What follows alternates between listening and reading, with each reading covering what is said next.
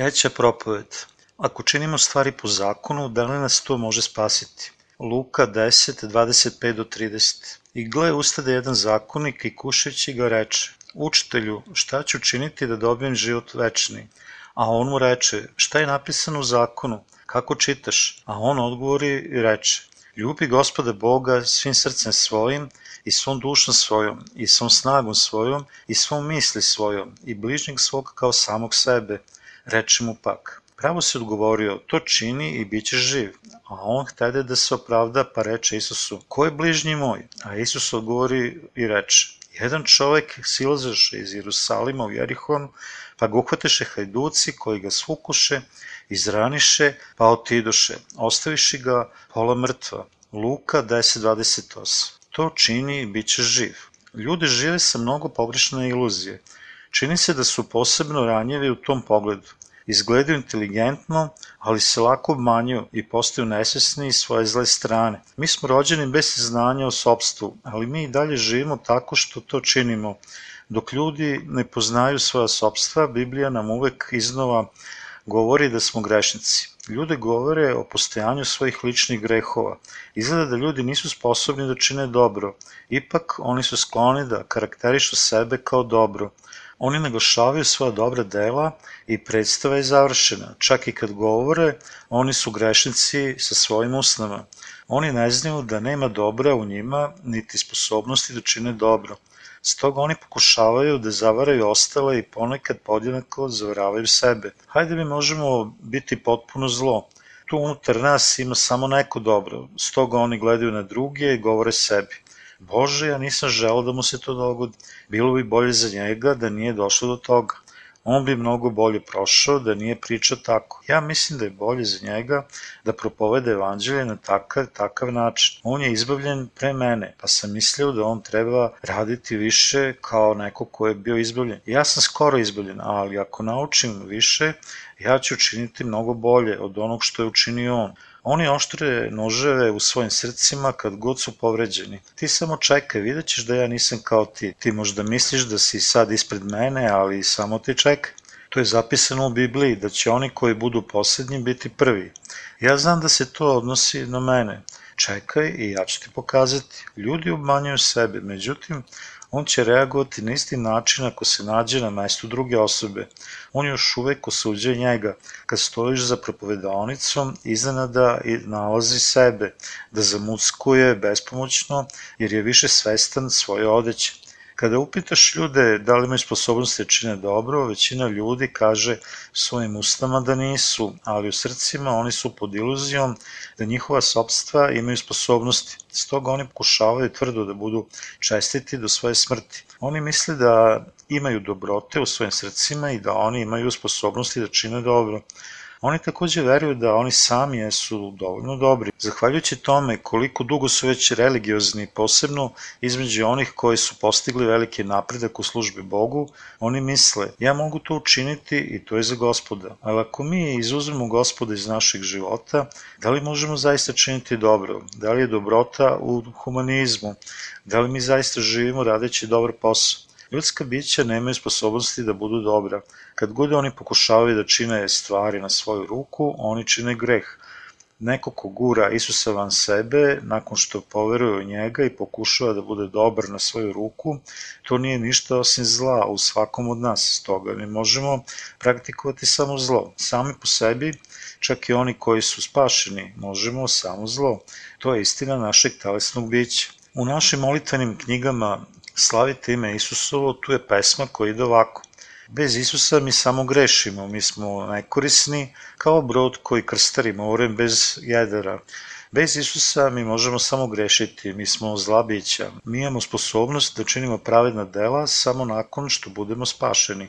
Apostol Pavle je rekao, jer dobro što hoću da činim, nego zlo što neću ono činim. Rimljanima 7.19 Ako je neka osoba sa Isusom u redu je, osim kad on, ona, ništa ne čine sa njim. On, ona pokušavaju dobre dela pred Bogom, međutim što više osoba pokušava, on, ona, više praktikuju zlo. I kralj David je imao svoju urođenu prirodu. Kada je njegova zemlja bila mirna i napredna jedne večeri, on se popao na krov radi šetnje, Tamo on je video sliku iskušenja i osetio je senzualno zadovoljstvo. Šta mu se dopalo kad je zaboravio gospoda? On je bio zaista zao. On je počinio brakolomstvo sa Batšebom i ubio je Uriju, njenog muža, ali on je mogao videti zlo u sebi. On se samo izvinuo u zamenu za svoje delo.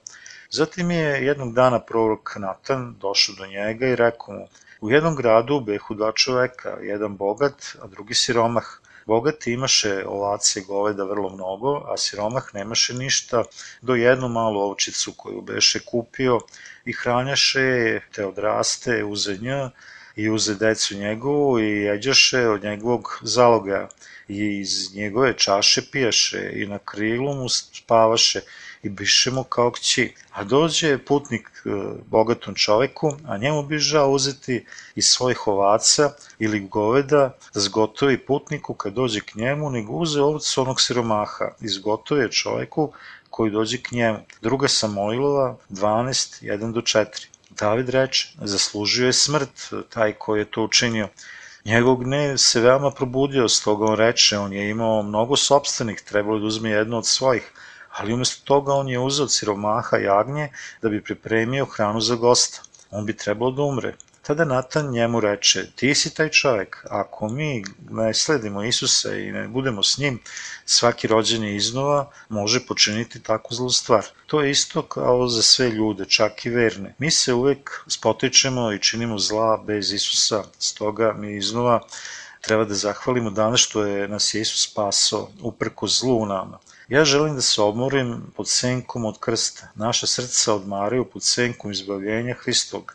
Ali ako mi napustimo senku i gledamo na sebe same, nikad se nećemo odmoriti. Bog nam je dao pravednost vere pre zakona. Apostol Pavle reče da je Bog nama dao pravednost vere od početka. On je to dao Adamu i Evi, Kainu i Avelju, Situ, Enohu, Noji, Avramu, Isaku i na kraju Jakovu i za njegovih 12 sinova. Čak i bez zakona oni behu pravednici pred Bogom, kroz ovu pravednost koja dođe od vere u njihovu reč. Vreme prolazi i Jakovljevi potomci živjeli su u Egiptu kao robovi 400 godina radi Josifa. Zatim Bog njih izvede preko Mojsije u zemlju Kanansku. Međutim, u toku 400 godina robovanja oni su zaboravili pravednost sa verom. Stoga ih Bog vodi preko Crvenog mora sred svojih čuda i odvodi u pustoš. Tamo oni dosežu pustoš greha, on im daje zakon u planini Sinaj, on im je dao zakon koji je sadržao 10 zapovesti i 613 detaljnih odredbi. Bog je objavio, ja sam gospod, Bog tvoj, Bog Avramov, Bog Isakov, Bog Jakovljev, neka moj se dođe na planinu Sinaj i ja ću mu dati zakon. Tada on daje Izraelu zakon. On daje njima zakon da bi oni imali spoznanje greha, Rimljanima 3.20. To je dao da ih informiše o tome šta on voli i ne voli i da otkrije svoju pravednost i svetost. Svi ljudi Izrela koji su 400 godina bili zarobljeni u Egiptu prešli su Crveno more. Oni nikad nisu sreli Boga Avramovog, Boga Isakovog i Boga Jakovljovog. Oni njega nisu znali. Tamo gde su živeli kao robovi za tih 400 godina, oni su zaboravili pravednost Božju. U to vreme oni nisu imali vođu. Jakov i Josif bili su njihove vođe, ali oni to behu pre mnogo vremena. Izgleda kao da Josif je prešao u prošlost, a vera na njegove sinove, Manasiju i Efrema.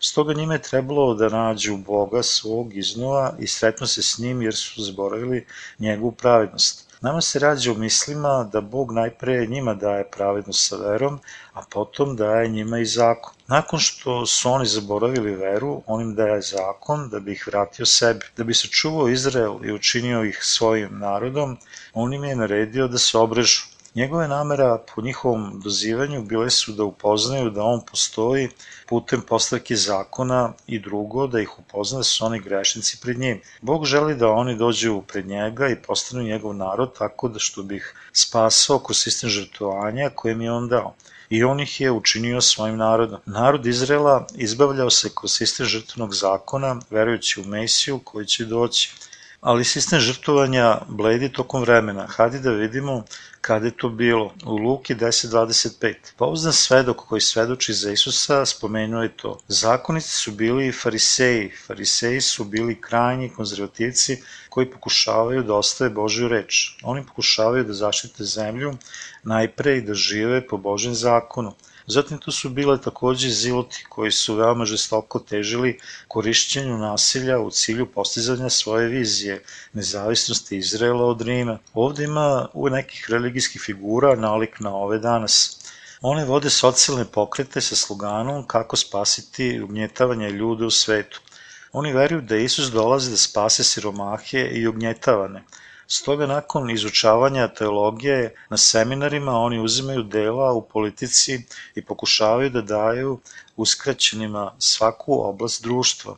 Oni su od onih koji zahtevaju, hajde da svi mi živimo po svetom i blagoslovenom zakonu, napuštajući zakon sa njegovom reči ali oni nisu shvatili pravo značenje zakona. Oni pokušavaju da žive po slovu zakona, ne shvatajući božansko otkrivenje u zakonu. Zato mi možemo reći da u Izraelu nije bilo proroka, sluge Božeg oko 400 godina pre Hrista. Iz tog razloga oni postaju stado ovaca bez pastira. Oni nisu imali zakon ni istinskog vođu. Bog nije otkrio sebe kroz licimerje religijskih vođa u to vreme zemlja je postala kolonija Rimskog carstva. Zato Isus reče da ove ljudi iz Izrela koji njega slede u pustinji, on neće gladne otpustiti. On je imao milosti za stado bez pastira, jer su u to vreme mnogi ispaštali. Učitelji zakona i ostali u takvoj poziciji bili su u osnovi opunomoćeni sa povlasticama. Fariseji su bili prvoverci, potomci judaizma, oni su bili veoma ponosni. Ovaj učitelj zakona pita Isusa u Luci 10.25. Šta ja treba da činim da nasledim večni život? On je izgleda mislio da tu nije bilo boljeg od njega između ljudi Izraela. Stoga ovaj zakonik, onaj koji nije bio iskupljen, izaziva Isusa govoreći šta ja treba da činim da nasledim večni život? Zakonik je samo ocije svoje ličnosti. On pita Isusa šta treba da činim da nasledim večni život? Isus odgovora, a šta je zapisano u zakonu, šta si pročitao iz njega? Tako on odgovori, voli gospoda svog svim srcem svojim, svom dušom svojom, svom snagom svojom i svim umom svojim i voli bližnjeg svog kao samog sebe. I on reče njemu, ti si odgovorio ispravno, čini tako i živećeš. Isus mu je rekao, ti si odgovorio ispravno, čini tako i živećeš. On izaziva Isusa ne poznajući sebe kao zlog, hrpu greha koja nikad ne čini dobro. Zato njega pita Isus, šta je zapisano u zakonu? Šta si pročito iz njega? Šta si pročito iz njega? Sa ovim pasusom Isus ispituje koliko neko uključuje tebe i mene, zna i razume zakon. Kako mnogi ljudi čine danas, ovaj zakonik takođe misli da Bog daje zakon za njega da bi ga držao. Stoga on odgovara, voli gospoda svog svim srcem svojim, svom dušom svojom, svom snagom svojom i svim umom svojim i bližnjeg svog kao sebe samoga. Zakon je bez greške, on nam je dao savršen zakon. On nam je rekao da volimo Boga svim svojim srcem i dušom sa svom našom snagom i mišlju i da volimo svog bližnjika kao sebe same. To je ispravno za nas, da volimo našeg Boga svim srcem i snagom, mada to je sveta zapovest koju nikad nećemo održati. Šta si pročito iz njega? Znači da je zakon ispravan i tačan, ali kako ti da ga shvatiš? Zakonik misli da mu je Bog daje da bi ga ispunio, međutim zakon Boži nam je dat da možemo shvatiti našu grešnost i razotkrije potpuno našu nepravednost. Ti si zgrešio, ubio si, a ja sam ti rekao da to ne činiš. Zašto me nisi poslušao? Zakon razotkriva grešnost u srcima ljudi. Recimo da sam na svom putovanju ovamo ugledao zrele dinje. Bog me je po zakonu pozorio, ne dirajte dinje, osramotit ćeš nas. Da, oče, polje pripada tome i tome i zato ne smeš da ih bereš. Da, oče. U trenutku kad nam zakon kaže da ih ne beremo, mi ipak osjećamo snažnu potrebu da učinimo suprotno. Ako pritisnemo oprugu, ona će zbog reakcije da se vrati u prvobitno stanje. Gresi ljudi su takođe takvi. Bog nam je rekao da nikad ne činimo zlo. On to može da kaže jer je svet, savršen i sposoban za to. S druge strane, mi nikad ne možemo da ne sagrešimo i nikada ne činimo dobro. Mi nikada nemamo dobrog u našim srcima. Zakon kaže nikada, uslovljeno je rečiju nikada. Zašto? Jer ljudi imaju požude u svojim srcima. Mi činimo iz požude, činimo preljubu jer smo požudni. Moramo pažljivije čitati Bibliju. Kad sam ja prvi put poverovao u Hrista, verovao sam svetom pismu. Čitao sam kako je Isus umro na krstu zbog mene i nisam mogao da zaustavim suze. Bio sam tako zao, a on je umro na krstu za mene. Moje srce jako čeznulo da poveruje u njega. Tada sam pomislio, ako ću poverovati, onda ću to učiniti u saglasnosti sa reči. Čitajući knjigu Izlazak 20. poglavlje gde stoji Nemo imati drugih bogova osim mene. Kajao sam se pismu. Istražio sam svoj život kako bih otkrio jesam li imao drugih bogova pred njim. Jesam li uzalud spomenuo njegovo ime i da li sam ikad poštovao druge bogove? Otkrio sam da sam se mnogo puta klanjao drugim bogovima u čast mojih predaka. Zgrešio sam poštujući druge bogove, zato u pokajanju pomolih. Gospode, ja sam obožavao idole. Ja sam zaslužio osudu za to. Molim te, oprosti mi moje grehove. Neću to učiniti više iznova. I eto, jedan greh je opisan. Tada razmišljao sam da li sam nikad izgovarao njegovo ime uzalud i setio sam se da sam pušio u vreme kada poverovah u Boga. Moji prijatelji su me opomenjali, ne sramotiš li Boga time, može li hrišćanin da puši? Bilo je izgovaranje njegovog imena uzalud, zar ne? I opet sam molio, gospode, izgovorio sam tvoje ime uzalud, molim te oprosti mi, prestaću da pušim i tako. Nastojao sam da prestanem, ali bih povremeno palio cigaretu. Bilo je teško, gotovo nemoguće prestati sa pušenjem, ali na kraju ipak sam uspeo i prestao. I osetio sam kako sam se rešio još jednog greha. Sledeći je bio drži dan gospodnji sveti. To se odnosilo na ne raditi ništa nedeljom, ne zarađivati i sa time sam prestao. Onda dolazi poštuj svog oca i svoju majku. Ja sam ih poštovao dok smo bili razdvojeni, ali čim smo bili zajedno, došlo bi do napetosti. Oh, eto, moje vrline, ja sam zgrešio pred Bogom. Molim te, oprosti mi, gospode. Molio sam se u pokajanju. Ali ja nisam mogao poštovati moje roditelje nikad više, jer oni oboje su bili mrtvi tada. Šta sam ja mogao? Gospode, molim te, oprosti bezvrednom grešniku. Ti si umro na krstu za mene. Kako sam samo bio zahvalan. Na ovaj način ja sam se razračunao sa svim mojim grehom pojedinačno. Bilo je tu i drugih zapovesti kao ne ubi, ne čini preljube, ne kradi. Shvatio sam da sam u svemu zgrešio. Cijelu noć sam se molio, ali vi znate da molitva u pokojanju nije baš zgodna. Porazgovaramo malo o tome. Kada bih razmišljao o Hristovom raspeću, mogao sam se saosećati s tim bolnim činom.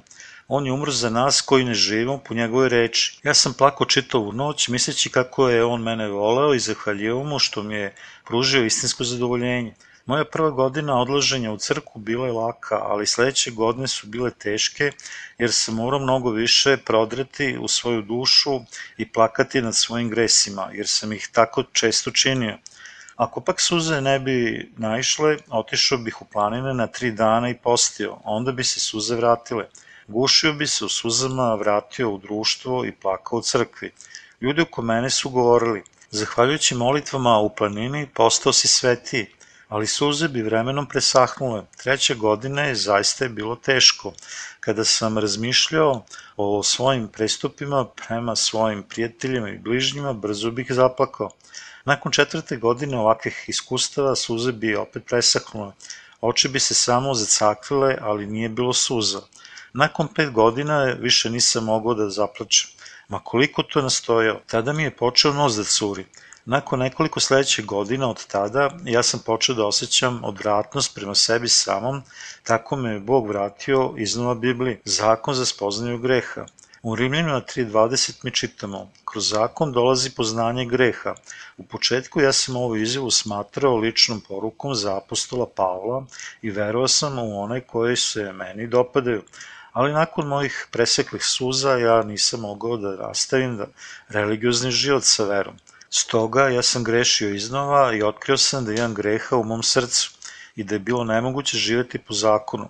Ja nisam mogao podneti to, ali takođe nisam mogao obezvrediti zakon zato što sam verovao da je on bio dat da bi ga držali do kraja. Ja postajem učitelj zakona kao oni opisani u pismu. Postalo mi je preteško da bih nastavio životom vere. Ja sam imao mnogo od greha kada bi čitao zakon, počeo sam da shvatam greh kada god bi narušavao svako deset zapovesti u mom srcu. Gresi u srcu takođe izazivači greha. Bio sam nerazborit i postao vernik u zakon. Kada bih držao zakon, bio sam srećan, ali kad nisam mogao da držim zakon, postajao bih očijan. Razdražljiv ili možda tužan. Postao sam iznad svega beznadežan, kako bi sve bilo lako da sam u početku bio naučen pravom istinom zakona, kao ovo na primer. Ne, ne, ovde se drugačije misli u zakonu tu nam pokazuje da si ti gomila greha, ti imaš ljubavi prema novcu, ne slaže se s time da je divno gledati suprotni pol, činiš da stvari e, voliš više od gospoda, ti želiš da slediš stvari od sveta, zakon je bio dat tebi, ne da ga držiš, već da shvatiš sebe lično kao grešnika sa zlom u svom srcu. Da me samo neko pouči o istini tada, ja ne bih patio 10 godina. Prema tome, ja sam živao pod zakonom 10 godina pre nego što sam shvatio. Četvrta zapovest je seća se dana subotnog da bi ga držao svetim. Ovo podrazumeva da mi ne treba da radimo u subotu. Ovo uči da mi trebamo ići peške, ne voziti se ako putujemo na duže razdaljine subotu. Ja sam mislio da je više prigodno i časno ići peške na mesto gde sam propovedao. Nakon svega ja sam propovedao zakon, stoga osjećao sam da moram da praktikujem ono što propovedam. To je bilo preteško, tako da sam uskoro odustao. Kao što je i zapisano ovde, šta si pročitao iz njega? Ja nisam razumeo ovo pitanje i spaštao sam za 10 godina. Učitelj zakona takođe nije razumeo dobro. On je mislio da će Bog blagosloviti ako izvršava zakon i živi po njemu. Ali Isus mu rekao šta si pročitao iz njega. Čovjek odgovorio saglasno zvaničnoj veri.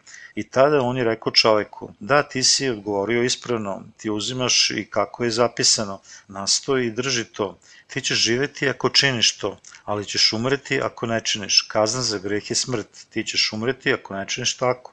Suprotno od života je smrt, je li tako? Ali učitelj zakona i dalje ne razume. Ovaj učitelj je kao svako od nas, tebe i mene. Ja studiram teologiju 10 godina, ja pokušavam sve, čitam sve i činim sve. Žurim, imam iluzije, govorim jezike, ja čitam Bibliju 10 godina i očekujem da ispunim nešto. Osim duhovnosti, ja sam bio i dalje slep čovek. Zato grešnik mora sresti nekoga ko će otvoriti njegove njene oči i taj neko je naš gospod Isus. Tada jedan put možemo shvatiti, da, aha, mi nikad ne možemo držati zakon, mi ćemo samo umreti beznadežno pokušavajući, ali Isus dolazi da nas spase sa vodom i duhom, alelujah. Voda i duh mogu da nas spasu, to je milost, dar Boži, stoga mi slavimo gospoda. Ja sam bio dovoljno srećan da diplomiram beznadežnost granično legalizmu, ali neki troše čitaju svoje živote studirajući teologiju u suveti i nikad ne shvataju istinu do dana svoje smrti. Neki ljudi koji veruju desetinama godina ili generacijski nasleđuju veru, nikad nisu iznova rođeni. Mi napuštamo grešnost kada shvatimo da mi nikad ne možemo održati zakon, tada stanemo pred Isusa i slušamo evanđelje vode i duha. Kada mi sretnemo Isusa, mi ispadamo iz osude i prokledstva. Mi smo najgori grešnici, ali mi postajemo pravednici jer nas je On spasio vodom i krvlju. Isus nam je rekao da mi nikad nećemo moći da živimo po njegovoj volji. On je rekao to učitelju zakona, ali ovaj to nije shvatio. I jedan čovjek silazaše iz Jerusalima u Jerihon, pa ga uhvateše hajduci koji ga svukuše i izraniše, pa otidoše i ostaviše ga pola mrtva. Luka 10.30 Isus je ispričao to učitelju zakona, uporedivši ga s patnjom čoveka iz priče pretučenog na smrt. Čovjek se spušta iz Jerusalima do Jerihona. Jerihon predstavlja grad religije. Grad vere narastao je ojačan zakonom. Priča nam govori, ako mi verujemo u Hrista samo kao religiozni put, mi ćemo biti uništeni. Jedan čovjek silazaše iz Jerusalima u Jerihon, pa ga uhvatiše hajduci koji ga svukoše i izraniše, pa otidoše, ostaviše ga pola mrtva. Jerusalim je bio veliki grad sa velikim priraštajem. Tamo je bio visoki sveštenik, predvodnik sveštenstva, levita i mnogo poznatih religioznih ljudi. Ovde je bilo mnogo onih koji su znali zakon dobro, a oni su ovde pokušavali da žive po zakonu nisu spevali pa su se okupljali u Jerihon. Silazili su u svet Jerihon i susretali su razbojnike. Čovjek koji je takođe susreo razbojnike na putu od Jerusalima do Jerihona bilo je svučen iz odeće koji ga svukoše, odnosi se na gubitak njegove pravednosti. Nemoguće je za nas da živimo po zakonu i u zakonu. Apostol Pavle je rekao Rimljanima 7, 19 do 20. Jer dobro što hoću ne činim, nego zlo što neću, ono činim. A kad činim ono što neću, već je to ne činim ja, nego greh koji živi u meni. Volio bih da mogu učiniti dobro i živeti u njegovoj reči, ali u ljudskom srcu stanuju zle misli, preljube, pokvarenost, ubistva, lopovluk, pohlepa, zloća, prevare, razuzdanost, lakomost, pakost, bogohulstvo, ponos i ludost. Marko 7, 21 do 23. Gresi su u našim srcima i ispoljavaju se sada i uvek. Činimo ono što ne želimo i ne činimo ono što bi trebalo da činimo. Mi iznova činimo zlo u našim srcima. Ono što đavo čini je da nas pomalo i stimuliše na greh. Gres je unutar srca čitavog čovečanstva. Ovo je rečeno u Marku 7. Ono što uđe u čoveka s polja ne prlja ga, ali ono što izlazi iz njega, to ga prlja. Isus nam je rekao da su zle misli, preljube, pokvarenost, ubistvo, lopovluk, pohlepa, zloća, prevara, razudanost, požuda, bogohula, polnost i ludost u srcu čoveka. Mi svi imamo ubistvo u našim srcima. Ovde nema ni jednog koji nije ubica. Majke viču na svoju decu, ne čini to, rekla sam ti da ne činiš to, proklet bio. Stalno ti ponavljam da ne činiš to, ubiću te ako to učiniš ponovo. Ja ti kažem da to ne činiš. To je ubistvo, ti misliš da ubiješ svoje dete u tvojim mislima sa tvojim neobazrim rečima. Naše deca moraju biti živahna jer trče naokolo veoma hitro, ali ako mi pustimo sav naš gnev na njih, možemo ih ubiti. Ponekad se uplašimo, oh, Bože moj, zašto ja to učinih? Mi gledamo na modrice nakon što smo tukli našu decu i mislimo kako mora da smo bili ludi dok smo ovo. Mi nismo mogli ništa osim ovog da učinimo, jer mi imamo ubistvo u našim srcima. Tako, ja činim ono što ne želim da činim, što govori da mi činimo zlo, jer mi jesmo zli. Satan je veoma lako da nas navede na greh. Recimo da čovjek koji nije bio izbavljen sedi u kolibi 10 godina, gledajući zid i meditira kao Sung Shou, poslednji veliki monah Koreje. To je lepo kad sedi sa licem prema zidu, ali njemu neko mora doneti hranu i odneti njegov izmet. On je ipak imao kontakt sa nekim. Neće biti problema ako to bude čovek, ali pretpostavimo da je to bila predivna žena. Ako se dogodi da je vidi tom prilikom, svo vreme on će potrošiti u sedenju i sueti. On možda misli, ja ne treba da učinim preljubu, ja to imam u mom srcu, ali ja ću to izbaciti. Ja moram to da iznesim napolje. Ne, napolje iz mojih misli, ali njegova rešenost nestaje u momentu kad ugleda nju. Nakon što žena ode, on posmatra u svom srcu. Pet godina njegove askeze otišlo je ni na šta, sve beskorisno. Veoma je jednostavno satani da oduzme nekoj osobi pravednost. Sve što satana treba da učini njemu njoj je da malo pogura. Kad se bori osoba bez izbavljenja, on, ona, padaće iz jednog greha u neki drugi. Ta osoba možda verno plaća desetak svake nedelje i posti za 40 dana, moli 100 dana molitvom u osvit, ali satana iskušava i obmanjuje njega nju sa najizgled dobrim stvarima u životu dao bih ti važnu poziciju u firmi, ali ti si hrišćanin, ne možeš raditi nedeljom, možeš li? To je tako važan položaj. Možda bi mogao da radiš tri nedelje i da ideš u crkvu samo jednom mesečno. Tada ti ćeš uživati tako visok prestiž, imati velik podeblji čekovni račun. Šta misliš o tome? Ovako bi verovatno 100 od 100 ljudi bilo kupljeno.